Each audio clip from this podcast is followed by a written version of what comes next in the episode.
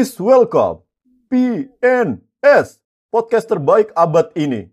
Yeay! Eh, bung, Eh, bung, bung, Ini bung. responnya kok jelek ya? bung. Tolong, tolong, tolong. Ini, ini gue mau nanya dulu nih. Ter, terbaik nih, Anda jadi delusional kayak Libra nih, BTW nih. Hah? Gue kira cuma gue Ini yang namanya- delusional kan? Eh, lu tahu nggak sih ada kata-kata kata-kata adalah doa. Oh. Bro, tuh ka- kata-katanya bagus kan? Ada kata-kata, kata-kata adalah doa.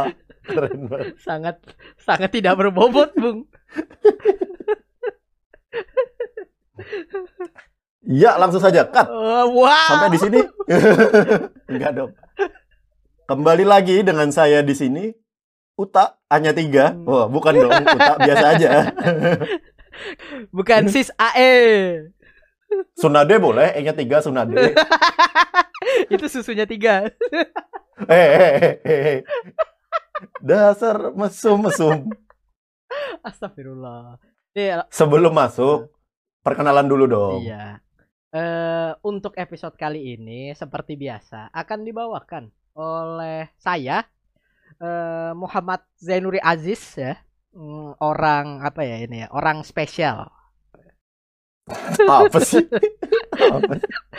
Dan Iya. eh, kembali bersama saya di sini ada Utama Dima. Udah perkenalan gue. Oh, lu udah? perkenalan. Udah perkenalan kan tadi gue. Kan gue udah tadi. Oh iya iya. Benar. Uta yang hanya satu doang. Mm-mm. Sebelum sebelum kita mulai ini kan eh, ini ada berita duka ya dari artis. Tuh, lu bikin gua gak enakan ketawa nih. Enggak, ini udah Tadi habis ketawa, sekarang berita duka lagi. langsung kita makanya. Eh, ini ada berita duka dari eh, apa meninggalnya Grand Fredly ya ini ya. Mm-mm. Ya kita mendoakan lah untuk keluarga yang ditinggalkan semoga tabah Hmm. ya kan. Ya pokoknya eh Grand Fredly itu beneran tidak akan dilupakan oleh para fansnya ya, yang jelas karena dia juga udah eh menaruh legasinya di per, di permusikan Indonesia. Iya, dan juga selain musik yang pastinya semua orang tahu, Mhm. dia juga memproduksi beberapa film. Oh ya. Yang gue inget banget itu Cahaya dari Timur, itu dia juga yang memproduksi. Ter- Itu termasuk film Indonesia terbaik versi gue sih. Mhm. Yang disutradarai kalau nggak salah Mas Angga Sasongko ya. Ya. Itu juga beliau ya yang yang nge- ngeproduserin filmnya tentang tentang persatuan lah di Maluku sana, di Ambon gitu. Mhm.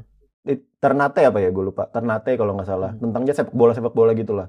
Gimana sepak bola tuh menyatukan Islam dan Kristen di Ternate sana gitu. Ya, ini yang Itu itu film juga bagus banget sih. yang dimainin ini kan sama Abang Ciko ya. Heeh. Iya kan sih? Cikol Cikolatos. Anjing. Kita nih duka, Bos. Udahlah, Udah. mending kita kita pokoknya intinya mendoakan Ah. untuk keluarga yang ditinggalkan oleh Bung Glenn, Glenn Fredly, Mhm. semoga tetap tabah Amin. dan juga Bung Glenn juga udah di tempat yang baik lah di sana. Iya. Karena dari cerita-ceritanya juga di Twitter, di Twitter ya, beliau ini banyak jasanya gitu. Hmm, banyak banget Eh, biasanya. Untuk sosial gitu banyak cerita-cerita baiknya lah. Hmm. Eh, apa ya? Sebelum ini juga setelah Grand Friday ini kebetulan kan kita tappingnya hari ini hari Jumat. Hmm, Jadi di- benar sekali. Jadi di sini ada bahasanya Good Friday ya. Iya, Good Friday bahasa Inggrisnya. Kal- Kalau bahasa Indonesianya Jumat bagus. Jumat Agung. Jumat Agung. Oke. Tapi tidak Tejo. Bukan, itu temen kita. Eh, Anda kok ketawa? Si anjing. Gue nih baik. Eh, ini hari hari kebesaran agama Nah, lain. Itu Eh, makanya. Anda memang bahaya Anda ya. jangan bawa ba- uh, Agung Setiaji di sini tolong ya. ya, pokoknya kita mengucapkan selamat eh, buat yang ngerayain walaupun dengan kondisi pandemi ini gitu kan. Eh Hmm. semoga harinya berkah aja ya. Iya, semoga ya kan ngerayainnya juga di rumah mungkin ya di gereja. Hmm. Eh, gereja masih buka nggak sih? Enggak kayaknya, tapi mungkin ada yang maksain buka sih, biasanya ada sih. Eh, soalnya tadi gua baru lihat ini kan soal pandemi-pandemi ini ya. Harusnya kan semua orang di rumah Ah. gitu ya. Ya menjaga jarak lah, social dispenser, dong, social distancing. Social dishwasher gitu Sosial apa lagi nih? Eh, saya ayo gua bingung. Oh, gua tahu. Sosial yang lagi rame sekarang nih. Apa nih? Sosial disinfektan. Wow. Kacau anjing kacau. Enggak. Soal soal ini ya, sosial social distancing ini kan ada larangan di rumah ibadah. Cuma tadi siang Mm. ada kayaknya gue liat rekaman orang rame di masjid gitu loh. Iya iya. Dan masjidnya literally rame banget gitu loh. Di Indo apa bukan tuh? Di Indo, ya itu pakai sarung nggak mungkin di mana lagi itu. Enggak soalnya eh, lu nggak usah jauh-jauh di masjid depan rumah gue nih ini apa rame pada sholat. Masjidil Haram aja tutup. Masjidil Haram. Ka'bah coy. Ka'bahnya nggak buka. Iya makanya. Masa lu y- y- yang jauh sholat? gue gue masih heran aja gitu tapi ya ya udahlah ya terserah Heeh. ini ya lah ya Ya, kita pilihan mah masing-masing lah ya. mm, mungkin ini eh, apa termasuk dari bagian dari seleksi alam ya Eh, Mm. ya kita tidak mendoakan cuma semoga saja tidak itulah pokoknya Iya, Mm. semoga saja tidak. Apalagi keluarga kita, keluarga dekat, orang-orang terdekat kita, semoga dijauhkan lah ya. iya dijauhkan dari bala api neraka.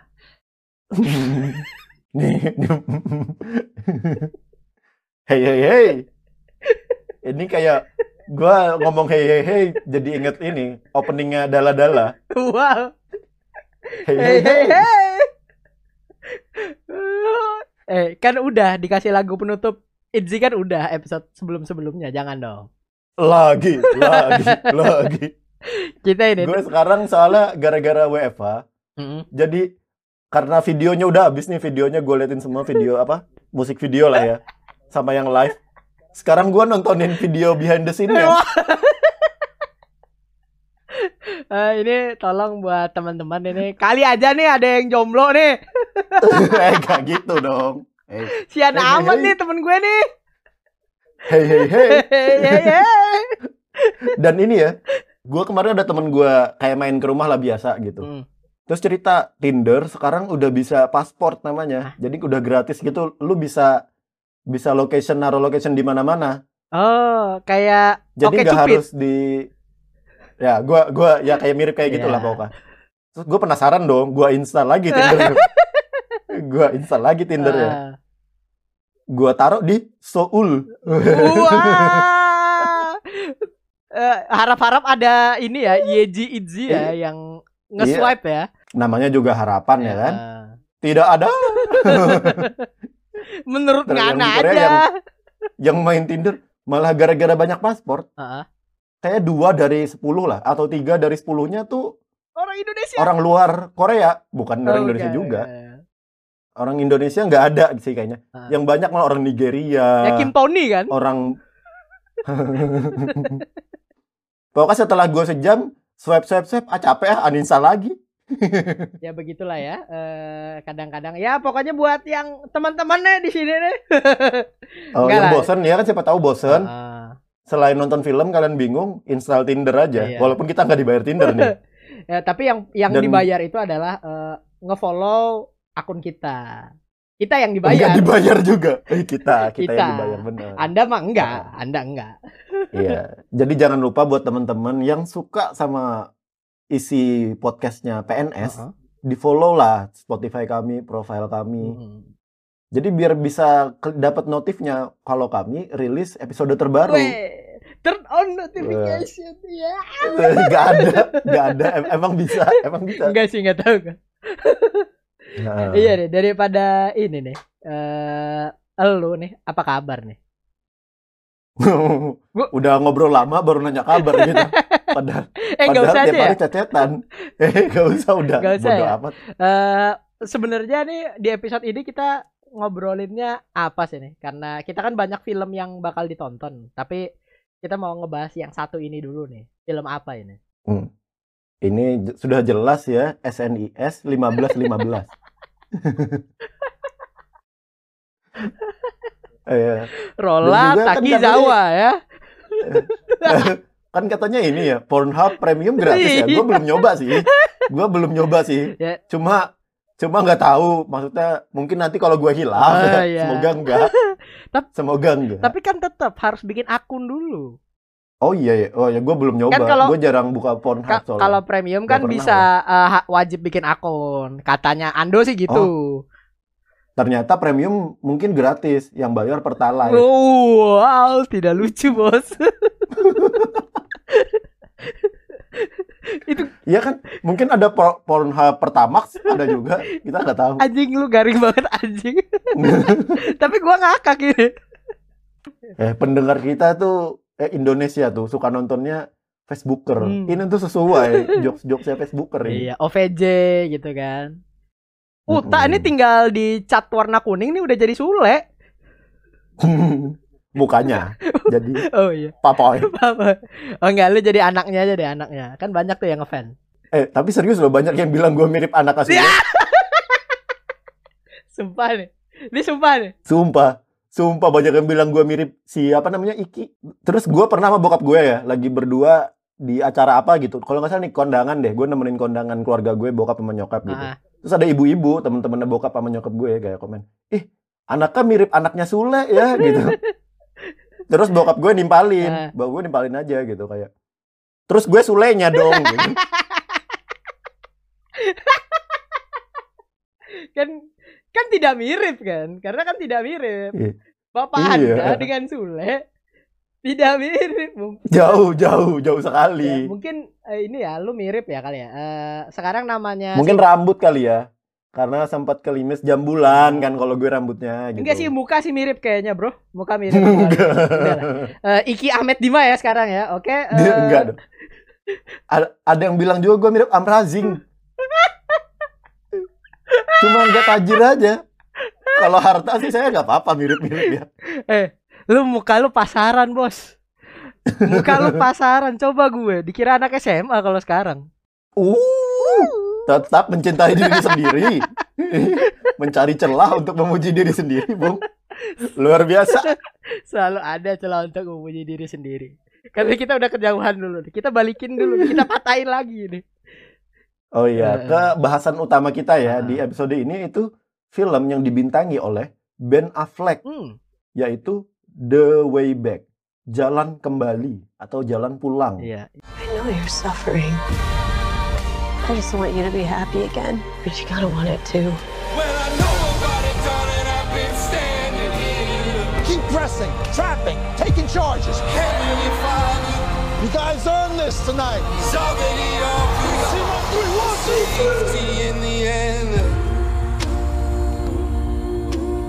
Ini kayak uh, ini ya, balik lagi kayak uh, hijrah ya, uh, kembali suci. Uh -uh. Di masa-masa yang berat seperti ini memang lebih cocok kita untuk mendekatkan diri kepada Tuhan yang Maha Esa. iya subhanallah mau dilanjutin nggak doanya Tapi kenapa kita ngebahas film ini? Heeh. Karena Ben Affleck baru saja dating sama Ana de Armas. Wah itu luar biasa. Saya sebagai ini ya eh, pengamat Ben Affleck ya, bukan fans. pengamat Ben, peng- saya pengamat Ana de Armas saja. Anda pengamat Ben Affleck deh terserah. iya. Lu sadar gak sih? Eh, ada meme gitu kan, ada meme yang Hmm. waktu itu Ben Affleck tahun kemarin dia di pantai mandangin pantai sendirian gitu, kayak ngegalau gitu. Oh, Nah terus sekarang udah berdua Wah ya. itu dia luar biasa Ben Affleck dari set Ben. Affleck jadi yang jadi meme yang waktu Batman v Superman itu yang dia diem gitu kan terus Henry Cavill ngomong gitu sekarang Oh, dia iya, mendapatkan kebahagiaan melalui Ana de Armas Iya, ya deserve lah ya. Mm-mm. Ben Affleck ini kan termasuk yang kayaknya waktu beberapa tahun lalu gitu sempat rame juga karena dia ngebela Muslim. ah Ya sebenarnya dia ngebela kemanusiaan aja sih. ya ya ya Karena ada Tahu gua, ada tahu orang ada ada public figure lain gitu yang mendiskreditkan Muslim untuk Muslim tuh dikurung aja gitu.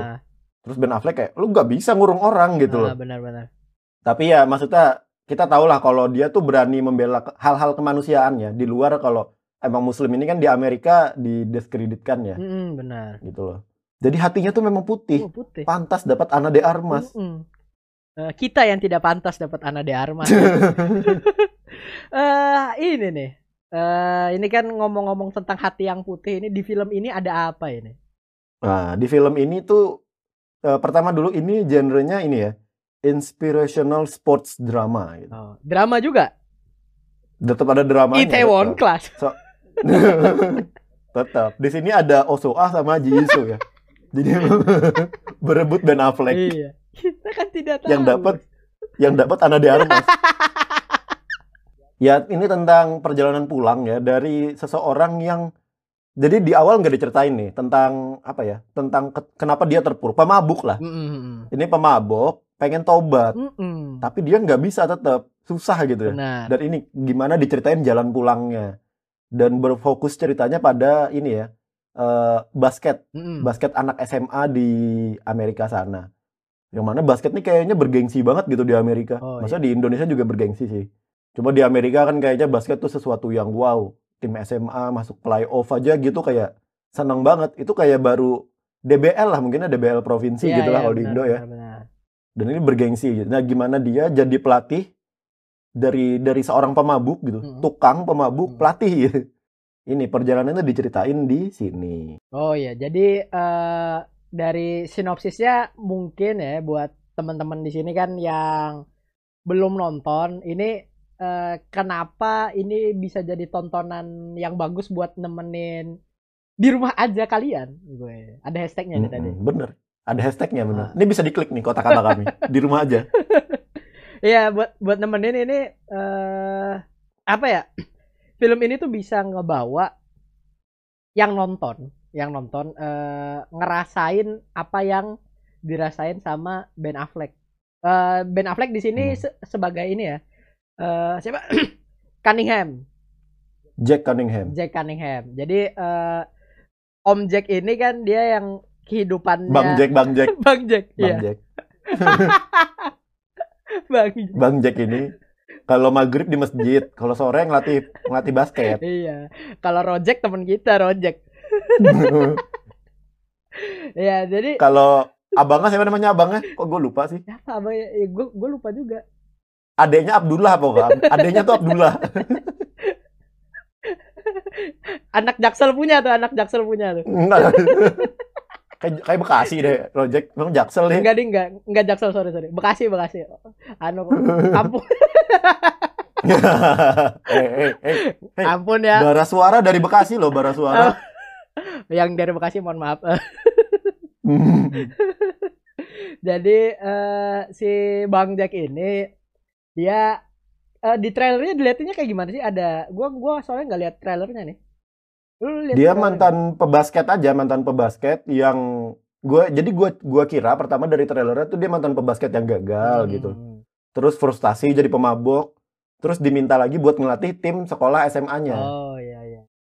Ya in- inti ceritanya kurang lebih di seperti itulah ya, Iya, gitu. iya. Karena itu kan standar ya kayak olahragawan gagal terus dia frustasi gitu. Kita sering de- lumayan sering dengar cerita kayak gini. Bet- Ternyata di film ini tidak semudah itu gitu loh. Bener. Nah, Ceritanya dalam. yang yang apa ya? Yang bisa kita lihat di sini kan kayak ini film tuh sebenarnya premisnya klise kan. Banyak lah tipe Mm-mm. yang cerita kayak gini. Cuma entah kenapa waktu habis ditonton itu waktu selama ditonton itu feelnya beda. Makanya dari itu ini inspirational sports drama. Heeh. Ada ada inspirationalnya. Bikin inilah eh, feeling good movie lah. Ya. Feeling good like I should. feeling good matamu ah, feeling good matamu. ah. itu ada videonya loh yang kayak gitu. Dan juga di ini ya di situs-situs review Mm-mm. itu dari Rotten Tomatoes dapat 84%. Oh, Lumayan nih. iya. Cukup untuk ini ya. Orang Batman versus Superman aja 30% ya kan. Karena tidak inspirasional. Oh, tidak buat saya. Eh. Buat saya itu ca- itu bagus. Dan juga buat dari IMDb itu 6,8. Cuma beda kalau IMDb kan lebih ke umum ya. Hmm. Semua orang bisa ngasih nilai Bukan gitu. kritikus lah ya. Kalau The Way Back ini lebih apa ya? Eh, The Way Back kalau Rotten Tomatoes tuh kan lebih kayak kalau lu orang yang apa ya? Reviewer lah, beneran reviewer itu baru bisa ngasih review. Hmm. Kita nih kenapa ngerekomendasiin ya karena feeling good movie satu. Hmm, Feeling good lagi. Udah, Ulang udah. lagi nih. Udah bos, udah. Udah gak lucu lagi, Iya, tapi masih ketawa. Feeling good. Eh, eh, tiga kali anjing. Kata Einstein Dan itu ini- lu eh. nyoba sesuatu yang berkali-kali dengan mengharapkan hasil yang sama itu kebodohan. Tapi tetap ketawa kan. Eh. Feeling good. Kita nggak tahu yang ngedengerin kan. Tai lah. Tapi ini dan juga ya buat yang senang basket mungkin fans-fans NBA atau IBL atau Mm-mm. DBL gitu. Mungkin tetap eh, juga suka dengan film ini. bener banget ini. Sebelum kita masuk ke spoiler sessionnya ya. Iya. Jadi buat non spoiler Karena juga di ini sini cocok lah buat di sini juga kita punya podcast basket ya. promosi lagi. Mantap jiwa. Eh Tripit basketball ya. Kalau pengen dengerin eh, hal-hal berbau basket dari kami ya. Ya walaupun cuma gue sama yang lain di situ, nggak ada utanya belum. Iya, mereka Zain sama dua orang lagi, Ah. si Agi sama si Takin ya. Ah. Mereka kebetulan lebih pintar dari saya di bidang basket, walaupun nanti saya susul. Oh, Saya bisa belajar dan saya akan lebih baik. menggusur yang lain ya Anda ya. iya nih. Untuk kayaknya untuk sesi eh, yang non spoilernya kita udahin apa gimana nih? Boleh, udah cukup lah ceritanya ini. Hmm. Jadi biar buat yang belum nonton bisa nonton dulu gimana keseruan filmnya. Ya bukan keseruan sih, kenyamanan filmnya. Karena ini bukan soal seru filmnya. Iya benar banget. Soal nyaman setelah menontonnya tuh hati nyesir. Karena ini emang eh, pelajaran hidup di sini. Oh iya, ada pelajaran hidup bagaimana bisa seorang Ben Affleck mendapatkan anak di anak. Oh wow. Kembali lagi. Eh, saya juga pengen ininya ya Iya. rahasianya Hey, hey, ya. hey. Hei hei hei, saya lupa Ayo kita lanjut ke sesi spoiler. setelah iklan yang satu ini. Ya oke buat sesi spoiler nih. Eh ada yang gimana nih? Ada yang apa ya? Gue ngomongnya gue mau ngomong apa sih tadi? Ini, lu ada yang ini nggak? Itu. Nah, bener nih, gini loh.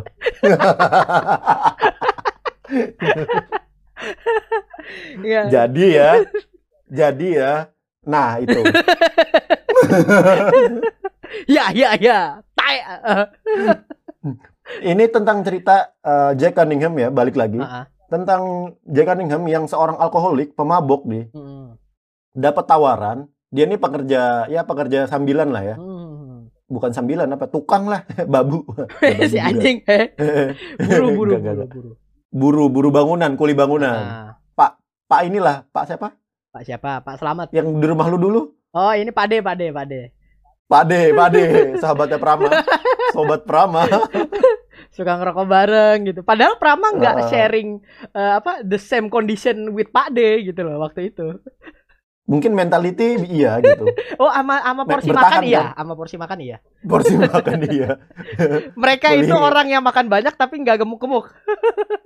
Bener. Karena ngerokok kali ya.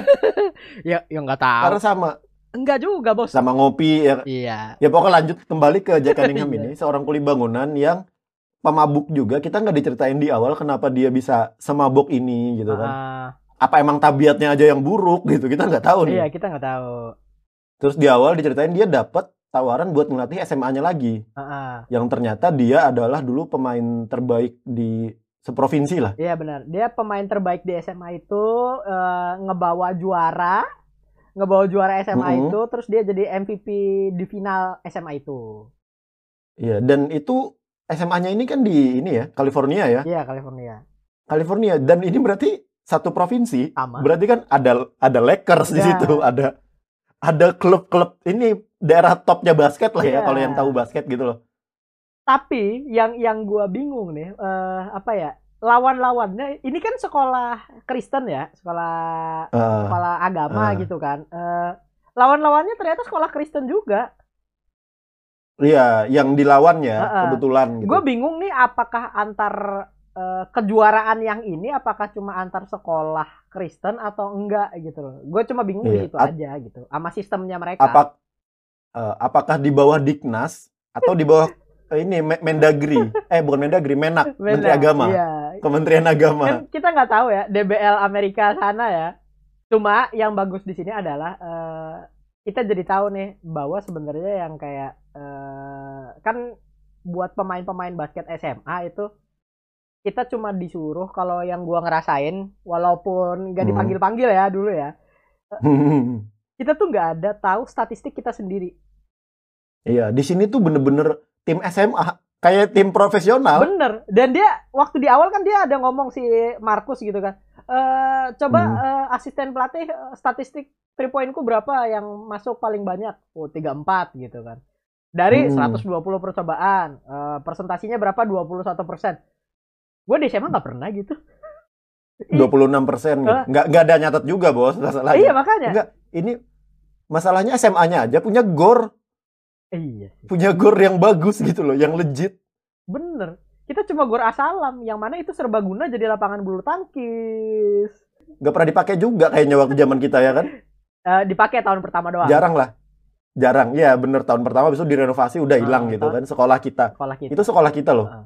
Bayangin SMA 1 Banjarmasin. Kayaknya nggak punya juga, punya lapangan basket tapi nggak punya gor. Iya, nggak ada gor yang dengan apalagi yang kayak pelatih ini nggak ada asisten pelatih yang nyatetin semua statistik, nggak ada Iya. tab-tab video pertandingan lawan. Dan emang nggak ada kultur kultur olahraganya beda gitu. Kita bisa lihat kultur olahraga di Amerika tuh emang udah semaju itu gitu loh. Hmm, benar. Wajar mereka emang sebagus itu juga. Hmm. Oh dan juga soal pertanyaan lu tadi ya, gue tadi juga nyari CI dia kan apa eh, player CIF of the year gitu, Iya, iya. CIF of the year. Ah. Itu nggak cuma sekolah Kristen, Oh. maksudnya sa- satu sekolah po California apa? California IF apa gitu gue lupa. Dan kebetulan mungkin ya di cerita ini isinya sekolah-sekolah Kristen gitu, Benar. yang jago di situ mungkin ya. ah. Karena ini Mungkin ya kenapa di Solo yang jago tuh Muhammadiyah sama Regina Pacis, sama Kalam Kudus, ya kan? Itu sekolah agama semua bos. iya, doanya kuat. Doanya kuat. Heeh. Lu, lu nih eh, di film ini ya yang yang gua lihat nih si Ben Affleck the way back-nya kembali ke jalan yang benar lewat sekolah agama. Wah. Heeh, bener. luar biasa. Memang Ag- agama Kristen tuh memang bagus banget. eh kok ketawa? Eh, Anjing, eh kok ketawa? anjing. Eh Katolik ya dia di sini. Katolik Bishop namanya aja Bishop. Bishop, Hayes Bishop. Eh, Katolik eh, ini juga yang di situ juga kan kita kita kayak ngelihat ya di tontonan proses dia eh apa nih hijrahnya ini ya, proses kembali ke Nah, jalan yang hijrahnya. sebenarnya ke jalan yang dulu ini dia ditemenin sama orang-orang yang alim di sekolah gitu kan asisten pelatihnya Hmm, nggak apa Guru Aljabar. Ah, yang ngundang dia ini apa father Pasturnya langsung. iya pasturnya Father, langsung kepala sekolahnya. Heeh. terus juga Ya, yang inilah. yang ngejagain siapa tuh yang yang brewokan Eh, Oh iya, jadi ada ada pastur tim juga Ah, yang ah. ikut ke mana-mana pertandingan. iya Dan di sini juga waktu si pertama kali datang ya si Jack Cunningham ini ke timnya, Mhm. timnya kan acak-acakan tuh. bener Senternya ngetri lah atau random banget itu. Ah, Senternya ngetri tapi nggak masuk-masuk si Markus ini ya. ah. Dan dia langsung kayak minta data statistik gitu kan. Dia ngebuktiin ke Markus kalau lu jelek gitu. iya benar Jangan ngetri bos gitu. Jangan ngetri gitu. Lu jelek tapi tetap itu ngumpul baris cuma anaknya begundal semua. iya benar benar banget ini gua pas lihat orang Amerika emang kalau sekolah begini apa gimana sih? ya, tapi emang Gak ada alak, kalau gak ada alaknya emang. Gini nih, ini yang perlu gua jelasin sama lu nih. Di sini di basket itu ada ada kulturnya gitu. Ada hood istilahnya Hmm. hood gitu kan. Jadi lu Hmm. kalau dan ini juga ada di setiap lapangan basket yang ada di seluruh Indonesia kalau menurut gue. Lu di lapangan basket sama lu udah di luar situ udah beda. Lu masuk lapangan basket tuh udah lu dikacang-kacangin, dihina-hina, di pokoknya pressure-nya beda sama lu udah keluar dari Hmm. lapangan basket itu gitu loh. Lu beneran kayak kayak gimana ya eh, kayak kalau udah dalam game walaupun itu cuma pick up game lu beda Hmm. beda ini udah udah hilang pertemanan atau apa itu itu udah beda beda cerita gitu dan ini Ya, utamanya ya karena di sih. Amerika apalagi gitu loh apalagi dan ini sih soal kayak gue lihat di sini kan dia datang gurunya datang istilahnya ini pelatih sama asisten pelatih yang juga guru matematikanya datang. Heeh. tapi tabiatnya masih buruk gitu loh. Iya. Ini emang guru di Amerika berat sekali ya kerjaannya kayaknya. Ini guru loh gitu loh. Iya kalau pas main ngelawan gurunya terus gurunya di body charge apa offensive apa defensive charge kalah Ah. gitu ya wajar. Ah. itu kan permainan. Ini nggak pas lagi main. Ini pas lagi baris gitu. Sambil jelek-jelekin lah ini sini ini ini ini ini ini ngedis-dis gitu lah ya Iya, iya. standar-standar sebenarnya di dunia basket itu biasa terjadi lah ya Ya. Eh, makanya eh, di sini juga buat yang main basket itu yang bisa bertahan di lapangan itu yang kuat mentalnya sih kalau kalau menurut gue pribadi. benar benar benar Karena yang mentalnya bener-bener harus bagus dan punya semangat. Salah satu di sini dicontohin sama si Marcus itu. iya. Buat gue di sini bagus tuh contohnya A- sih. Anthony Davis KW ini eh, si, si si Marcus ini beneran berhasil apa ya eh, ngebawa ngebawa timnya. Eh, bukan ngebawa tim ngebawa pribadi yang bengal gitu kan. Eh, dan dia tuh kayak Hmm. eh, street boy lah hitungannya anak jalanan sana gitu kan. Dia cuma pengen main basket pikirannya cuma basket gitu kan. Eh, sifatnya berandal nggak patuh sama coach. Dan eh, diperlakukan oleh coach Jack ini dengan sangat baik akhirnya dia jadi patuh lah seenggak Hmm, bener sih. Walaupun di awal-awal dia masih kayak apa ya kekanak-kanakannya kan kelihatan dia anak SMA lah ya. Ap- apalagi si ini ya eh, kekanak-kanakannya si Kenny ya wah Oh iya. Itu mah playboy sekali ya. fuckboy fuckboy Buk itu fuckboy, bukan cuma bukan cuma kekanak-kanakan itu. Emang suka ngeus emang, emang suka ngeus saja itu. itu di di bawah tangga Mm-mm. lokasi-lokasi ber berininya ya bermesra-mesra aja tuh eh, Dan masalahnya sangat sekolah, sekolah agama. iya itu dia Iya. ini shootku buat kamu sayang alah anjing Alah. Nanti teks aku ya. Ya. Ade, ade. aku tiap ngesut mikirin kamu hei tapi bagus Ini mainnya anjing ya Dia tapi ini Step Kenny namanya. Step enggak enggak Step Kenny. ini ini Clay Clay Kenny Clay Kenny Clay Kenny. karena dia nggak bisa handle yang yang bisa handle kan Atau- di sini Brandon Atau ini Prastawa Kenny. wah Kan kalau three, three, three point shooter Indonesia Prastawa ya. Tapi ya yang Prastawa gua, dan- gua taunya ini Andi Batam wah udah lama banget kita nggak nonton basket Indonesia. Dan diceritain juga di film ini, Hmm. buat gue yang ini apa sih istilahnya uh, baru di dunia basket gitu, baru ngikutin basket gitu. Ini tuh cara yang tepat buat belajar taktik basket juga gitu di film ini. padahal nggak ada taktiknya sama sekali Selain gitu. soal cerita filmnya ya, karena taktiknya detail sih, cukup detail buat gue. oh iya iya iya Oh ternyata kayak gini ya. Oh ternyata kayak gini ya. Jadi pelatih itu kayak gini loh. Ah, Kamu harus kayak gini, kamu harus kayak gini. Serang wing, serang apa gitu. Itu buat gue sih tambahan di luar dramanya yang juga bagus gitu. Hmm. Gimana kita di, di bawah bisa ngelihat perjalanannya si Jack Cunningham ini Hmm. dari si Regi dia nih ya. ah. Sampah nih dia. Sampah kembali ke jalan yang benar. Ah. Sampah lagi. Ah, iya tapi kembali lagi akhirnya Nah Mm-mm, makanya ini ini sih. yang menurut apa ya yang yang sangat mengena di gue pribadi karena eh ini enggak ini bukan tentang basketnya. Gue kira tuh Mm-mm, tentang benar, basketnya. Ternyata ini tentang eh, si Jack Cunningham eh, kembali lewat overcome lewat basketnya. Bener, dia overcome semua-semua yang ya di sini diceritain juga kalau ternyata anaknya meninggal gara-gara kanker gitu. Hmm. Terus dia itu di, diceritainnya pun pelan-pelan kita kayak oh dia ternyata punya anak gitu. Hmm.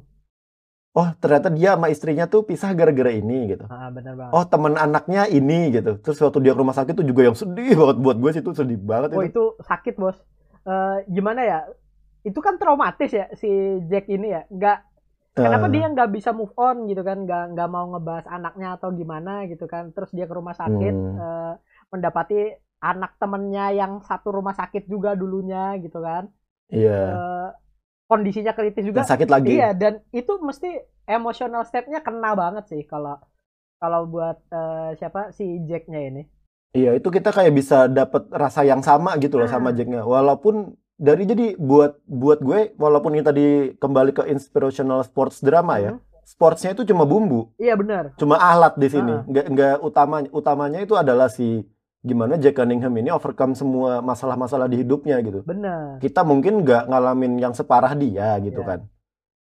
Tapi mungkin di luar sana kita tahu ada orang yang dapat masalah separah dia. Itu kenapa dia walaupun mabuk-mabuk tiap malam, tetap dibantuin sama si dok itu diantar ke rumah. Iya iya iya. Dia masih Kita bingung kenapa sih orang-orang baik gitu sama dia ini. Hmm. Walaupun ada yang benci juga kayak di awal-awal kita penasaran kenapa sih si apa namanya? Si Jack Cunningham ini dikata-katain, "Oh, mabuk terus ya, mantan pemain terbaik seprovinsi mabuk terus." Jadi terkenal kan. Iya, iya. Ka- eh, yang mana juga di sini kita di, dikasih tahu juga ini kan selain dari cerita anaknya ya. eh, kita dikasih tahu di Hmm. sini kalau sebenarnya kenapa dia nggak mu- memutuskan buat ngelanjutin karir basket gitu kan setelah dia Iya. jadi pemain terbaik sepanjang masa high school katanya kan gitu pemain high school Ah. terbaik sepanjang masa Eh, karena dia 50 pengen poin, Bos. High school mana 50 poin seorang, Bos? Iya makanya. Tapi kalau sekarang sih high school Itu- high school udah banyak yang 70 80 poin sih. Eh Ya, anak LeBron James ya. Terutama itu kemungkinan 2 tahun lagi. enggak enggak. Lu lu nggak tahu Lonzo Ball atau Lamelo Ball waktu high school Tahu, stats-nya tahu, ngeri-ngeri bro. kan? 89 poin. kan udah beli klub 70. sekarang. Iya. Udah beli klub lagi. Iya makanya itu. Dan gua balikin ke sini eh, karena dia sebenarnya pengen dapat kasih sayang bapaknya. Mm-mm. Ini nih caper sama ada- bapaknya gitu loh. Iya, terus dia keputusannya juga keluar itu caper juga. Iya, ternyata bapaknya tuh eh, senengnya waktu anaknya main basket. Nah, ini bad parenting nih Iya. kayak gini nih, anjing nih. Iya, Gitu. nih. Eh, orang tuanya cuma ingin uang, uang dan uang. Seperti pemerintah zaman sekarang. Iya, Wah. yang mana itu kan kondisi yang itu beneran ter- sedang dialami oleh Brandon waktu itu. Bapaknya itu Iya. nggak ngebolehin main basket, mungkin sayang. Cuma nggak suka anaknya main basket karena bapaknya sendiri ternyata mantan pemain terbaik juga gitu loh. Ya maksudnya mantan Dan diceritain di awal. Ah, mantan pemain potensial lah gitu kan. Heeh, yang maksudnya kayak dia lah, cuma kayak cedera kan, karena diliatin di situ bapaknya pincang. Ah, ah, ah. Dan Di salah satu scene diceritain bapaknya pincang dan juga di awal kan si dia itu bagus siapa sih dia? Oh anaknya Raset, Raset kalau nggak salah. ah, iya iya bener banget itu. Iya, gua gua baru ingat. Nah, dan Itu anak Raset terus kayak oh anaknya ini pantesan bagus gitu. ah, dan Brandon di sini gimana ya? Banyak banget nih ceritanya. Brandon di sini eh, mengalami krisis kepercayaan diri kan. Karena dia Hmm. nggak ngerasa yang terbaik walaupun bapaknya mantan pemain mantan pemain hebat ya. Eh, Mantan pemain jago. Ah, ah, pokoknya mantan mantan pemain bagus lah. Dia nggak ngerasa dia yang terbaik karena ya tadi bapaknya nggak nggak support dia gitu loh. Terus yang nyu Hmm. Mungkin bapaknya nggak benci, ah, cuma nggak support juga karena tadi alasan bapaknya anaknya dua, istrinya nggak ada ya, gitu kan. Ya benar. Yang mana eh, father figure pengganti adalah si Jack Cunningham. Ini sama kayak eh, Sir Alex Ferguson waktu jadi father figurnya Cristiano Ronaldo. Ini kalau yang yang menurut gue Wah. nih. Iya. ya karena emang dia bilangnya kan ngakunya gitu. Father footballnya Ronaldo itu Ferguson gitu. Walaupun Cristiano Ronaldo sejak keluar dari MU nggak pernah nonton lagi ke Old Trafford ya. Iya, padahal non- eh, baru belum setahun Nonton Madrid kemarin, kemarin kan. nonton Madrid El Clasico. Nonton Madrid. Nonton MU nggak pernah dia. Tidak cinta MU Ronaldo. Karena dia karena Ronaldo tuh sudah bertobat Wah. dari setan merah. Ke malaikat suci terus masuk penjara di Juve. Wow. wow. Eh, dan kembali lagi ya seperti ini. Maksudnya eh, kenapa gue ngerasanya ini adalah tentang hidup karena ya tadi eh, semua punya kisahnya masing-masing. Nggak dari Brandon, Mm-mm. nggak dari Marcus. Maksudnya ini yang pemain-pemain yang gue ini ya, nggak dari Bobby. Bobby ini kalau misalnya lu SMA-nya jadi pemain cadangan atau nggak jadi pemain yang dipilih gitu kan, di, karena Six man six man banget ya. bukan six man malahan. Ini ini cadangan mati karena emang kalah skill sama pesaing utamanya di posisi itu. Iya enggak di film ini kan six man dia Ya, kan posisinya man. gitu. Nah, maksudnya si Bobby ini juga dia jadi relatable karena sebenarnya dia solid player gitu kan. Good defense, Hmm. good offense, better positioning, eh, bisa memahami apa kata pelatih gitu Taktik. kan. eh. tapi ya tadi cuma kurang ability aja gitu. Ability secara apa ya lahir, secara lahir emang bakatnya nggak sebagus yang lain Ya. gitu. Kebetulan si Bobby Benar. ini. Cuma dia tetap berusaha. Secara tim bagus. Hmm. Ya kalau kalau di tempat gue ini eh, ini ya mungkin Markus itu adalah Raka. Nge-shoot three point mulu Uh-uh. tapi nggak masuk masuk. gue nggak pernah lihat sih Iya. sebenarnya. Gue jarang nonton. Ini yang gue gue rasain nih. Dia nge-shoot three point kalau udah buntu tapi dibiarin orang-orang gitu karena tahu nggak bakal masuk. Si si Bobby ini kayak oh, bukan Fikar juga sih bukan. Ya udahlah ya pokoknya ada teman gue yang kayak gitu gitu. Heeh. Ya si Raka kan sekarang jadi pelatih ini, Handball. jadi guru olahraga kan. Handball. Latih handball apa ya kalau nggak salah? Volley apa? Handball. Volley kalau nggak salah. handball. Ya. Pokoknya dia guru olahraga juga Ah. di sekolah, terus jadi pelatihnya. Ah, ya intinya dari sini juga yang Ya, Topik- film ini mengajarkan kita lah ah, ah, secara keseluruhan mengajarkan kita buat nggak judgmental Ah, bener banget nih. tentang kayak kita nggak tahu sih apa yang ada di belakang orang itu dia kenapa kayak gini gitu. Cuma buat yang lagi di judgmental, kalian juga jangan nyerah. Iya benar. Kalian tuh punya jalan ke sana gitu loh. Jadi ya buat dua arah gitu. Buat buat orang di luar yang judgmental jangan judgmental. Buat orang yang di dalam yang lagi dijudge sama orang lain, kalian jangan nyerah gitu. Karena pada akhirnya perlu nemuin ini sih, perlu nemuin dua arah yang pas gitu. Iya. Mungkin si apa namanya si Jack Cunningham ini, kalau dia nggak di judgmental pemabuk dan macam-macam tadi, Hmm. dia juga nggak gerak gitu loh. Dia tetap mabuk terus. Oh. Kita nggak tahu kan apa yang pas porsi yang pas gitu. Iya iya. Judge-nya ini sampai mana sih yang pas buat dia kayak dia kan marah waktu dibilang sama mantan istrinya nongkrong mobilnya di depan bar terus Hmm, gitu kan. hmm, hmm. Dia kayak terus besoknya dapet telepon dari sekolah itu terus dia jadi pelatih gitu kan. Iya. Ya kita lihat uh, ada lah ya istilahnya apa ya kalau di hidup ya. Kita tuh emang perlu dorongan gitu. Tapi ada yang orang nggak bisa dapat dorongan berlebih, Mm-mm. ada yang bisa gitu. Hmm. Ada yang didorong pelan-pelan, ada yang Hmm. eh, momen yang ini yang yang membawa dia balik lagi gitu. Ini kan sebenarnya eh, kita kau kita bisa berandai-andai lah ya. Kalau misalnya Jack Cunningham nggak diundang buat ngelatih tim Bishop ini, Sekolah, ya tim sekolah ini, eh, gua rasa hidupnya seumur hidup dia. iya, Eh, nongkrong di gang-gang doang dia tuh sama bocah-bocah minum autan, Iya. minum intisari, Iya, maka amer. makanya itu kan eh, ini menurut gue momennya di basketbolnya tadi yang mana di ternyata di film ini kita nggak diajak buat jadi apa nonton basketball klise padahal gue gue Hmm. jujur terus terang waktu itu waktu dia pertandingan lawan siapa yang ini yang sekolah Memorial, Ya. memorial. memorial yang kedua pertandingan kedua yang dia menang itu gue Hmm. gemeter gue merinding gitu loh gue kayak Yang final ya. "Ah, ah, ini ini yang yang bener-bener kata-kata sebelum finalnya itu yang waktu